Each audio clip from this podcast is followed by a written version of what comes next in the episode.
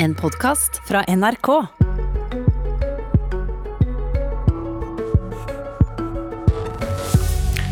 CO2-avgiftene skal opp. Det sier både avgående og påtroppende regjering. Men skal oljebransjen være skjerma for det drygeste avgiftshoppet? For eh, om du har hørt Nyhetsmorgen tidligere i dag, så har du hørt at det er nettopp slik det er. CO2-avgifta det er avgift på produkt som bensin og diesel, naturgass og fyringsolje. Og oljenæringa betaler samme avgifta for de store CO2-utslippene de har fra gasskraftverka ute på oljeplattformene, de som gir kraft til å hente opp olja. I budsjettforslaget fra Erna Solbergs avgående regjering øker CO2-avgifta generelt med om lag 30% men for oljebransjen er auken bare det halve. Det har fått SV til å riste på hodet. Og hvorfor reagerer du slik på det, Lars Haltbrekken? Hvis vi skal klare å unngå en alvorlig klimakrise og kutte våre utslipp og nå våre internasjonale klimamål, så er det ikke noe tvil om at eh, de som forurenser mest, også er nødt til å ta de største utslippskuttene.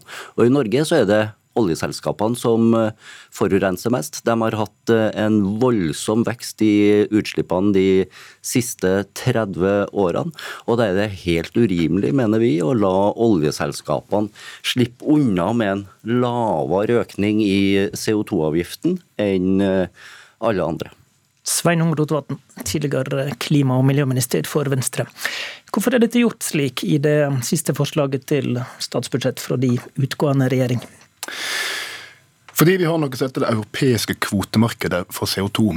Og Det høres jo veldig kjedelig og teknisk ut, og det er det for så vidt, men det er også veldig viktig. Så jeg må få lov til å forklare det. Vi har ei norsk CO2-avgift som vi har på utslipp. Den betaler de som kjøper bensin og diesel, den betaler oljebransjen. Men så er det noen av de største utslippsaktørene i Norge, f.eks. olje, men også luftfart, de betaler i tillegg en europeisk CO2-pris. Den kommer på toppen. Da vi skrev klimaplanen vår i vinter, så var den europeiske CO2-prisen på ca. 300 kroner tonnet. Nå er den på ca. 600 kroner tonnet.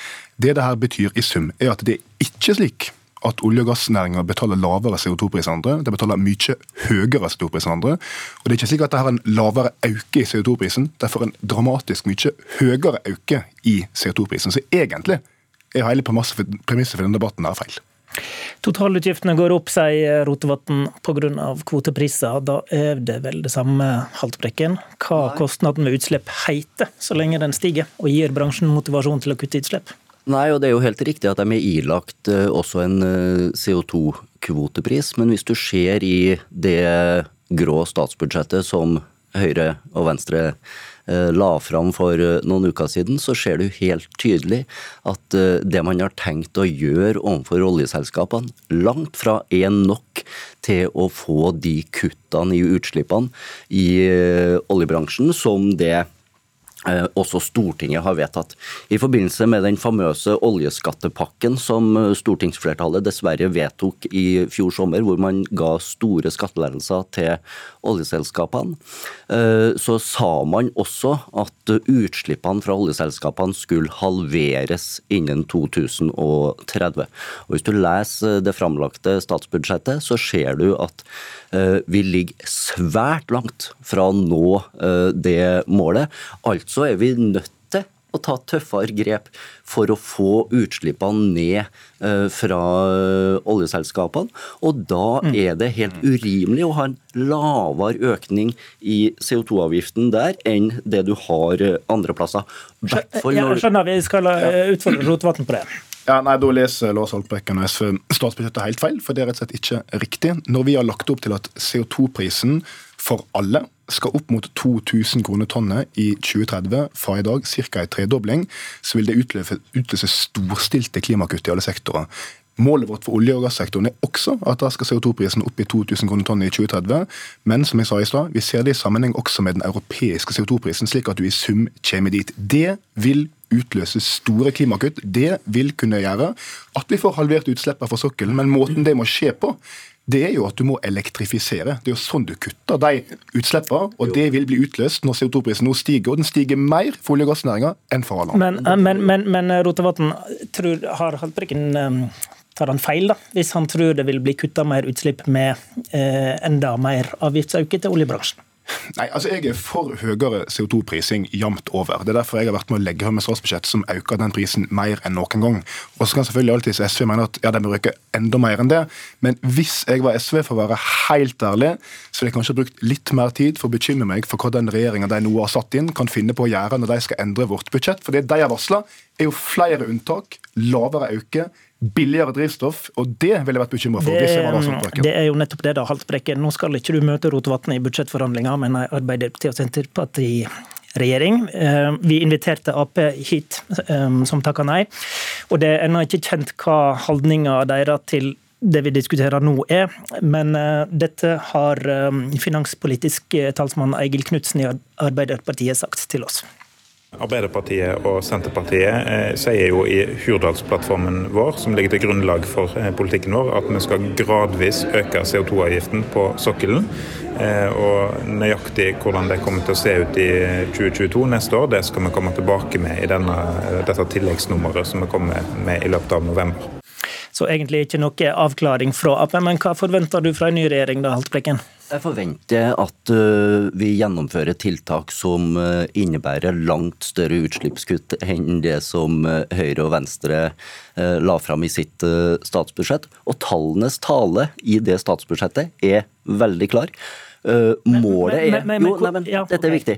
Målet er å halvere utslippene fra oljeselskapene innen 2030. Vi ligger langt ifra det. Det viser de prognosene som eh, Rotevatn var med og la fram. Da er vi nødt til å sette i verk tøffere tiltak imot dem som forurenser aller mest, og som også har best råd. I en budsjettforhandling, hvor viktig er dette poenget som vi diskuterer nå? Det som er viktig for oss, er å få til store utslippskutt. Det er det som eh, vi kommer til å jobbe for, for at Norge skal nå sine internasjonale klimamål, for at vi skal ta klimakrisen på alvor. Eh, og da er vi nødt til å gjøre en rekke tiltak. Mye mer enn det som den avgåtte regjeringa var villig til å gjøre. Der var det marginale kutt eh, gjennom noen år. Vi trenger et taktskifte i norsk klimapolitikk. Men vet du at den avgiftsinnretninga du skisserer nå, vil nå målet om utslippskutta? Vi vet at når du gjør det dyrere å forurense for eh, oljeselskapene, så vil det stimulere til, til, større utslippskutt. Eh, hvis man ikke ønsker det, vel, da får man komme opp med andre tiltak da, som gir minst like store uh, utslippskutt. For vi har uh, en klimakrise som vi er nødt til å håndtere, og vi har noen internasjonale klimamål som vi er nødt til å nå, og dem legger vi langt fra å nå i, med, dersom vi skal følge det statsbudsjettet som Høyre og Venstre la fram. Rotevatn, hvis Haltbrekken og SV prioriterer det vi snakker om nå i forhandling med ny regjering, er det uklokt av dem å prioritere slik? Hvis f.eks. SV prioriterer at eh, i tillegg til den rekordstore økende CO2-pris som oljenæringa nå får, at det skal øke enda mer, på bekostning av at Senterpartiet og Arbeiderpartiet får gjennomslag for billigere drivstoff f.eks., da mener jeg det vil være uklokt. Fordi det vil ikke føre til noe lavere klimagassutslipp. Når vi må gjennomføre et stort skifte i transportsektoren, da trenger vi høye klimaavgifter. Det gjør vi også på sokkelen, men det er klart hva er poenget med at du skal ha de høye avgiftene på sokkelen? Jo, det er at du skal få ned utslippene. Hvordan få ned utslippene? Det er gjennom å elektrifisere og stenge ned disse gasskraftverkene. Og det, det, blir jo ikke enklere det av SVs holdning til det, som er at de er mot kraft fra land til disse installasjonene. slik at politikken må henge sammen. Jeg er for å kutte på sokkelen, men det henger ikke sammen med det SV sier. Bare for å svare på det. For at Vi ønsker å bruke elektrifisering av sokkelen som en motor til å utvikle havvind. Og Hvis vi nå øker CO2-avgiftene for uh, oljeselskapene, så kan vi bruke noe av de pengene også til å finansiere flytende havvind på norsk sokkel. Det vil både kutte utslipp, og det vil sørge for eh, arbeidsplasser langs kysten i eh, verftsindustrien. Et slags Colombia-egg, om du vil. Men det er jo avhengig av at vi da sikrer at vi får økte inntekter fra disse CO2-avgiftene, sånn at vi kan opprette et sånt fond. Det som var den forrige regjeringas svar på dette, var jo å la Enova og strømkundene betale for havvindsatsinga til bl.a. Equinor. Rotevatn, i trontaledebatten i Stortinget i går så utfordrer du mer generelt SV til å svare på hva de syns om Hurdalsplattformen fra eh, Arbeiderpartiet og Senterpartiet på miljøområdet. Hva konkret er det du vil vite? Jo, fordi I trontaledebatten i går så var jo SVs leder oppe på talerstolen og sa at han kjente stor glede over at vi nå har fått ny regjering. Eh, det synes jeg var interessant å høre på, i og med at SV ikke er en del av den regjeringa eller har skrevet plattformen. Men da spurte jo jeg SV er det slik at SV mener at med den nye regjeringa sin klima- og miljøpolitikk og politisk plattform, at i sum har klima- og miljøpolitikken i Norge blitt bedre enn det den forrige regjeringa som jeg var en del av, førte. Og Grunnen til at jeg spør om det, er at når jeg leser plattformen til regjeringa på klimaområdet, utelukkende svekkelser, billigere drivstoff, billigere flyreise, dyrere elbiler. Når du leser naturdelen av det, utelukkende svekkelser, mer jakt på utrydningstrua rovdyr, enklere å drive med en lemfeldig utbyggingspolitikk, grunneiere får vetorett mot vern. og Derfor spurte jeg er det her noe bedre for klima og miljø. Og vet du hva? Det svarte ikke SV på. Det nekter de å svare på, men de kan få muligheten nå. det skal de få. Jeg skal bare nevne at nå er utfordringa at nå sitter jeg her med to små partier, mens de to regjeringspartiene faktisk ikke er her, da. Ehm, så dette, denne skildringa får nå stå for Rotevatns regning, men hva er Lars Haltbrekken sitt svar, da?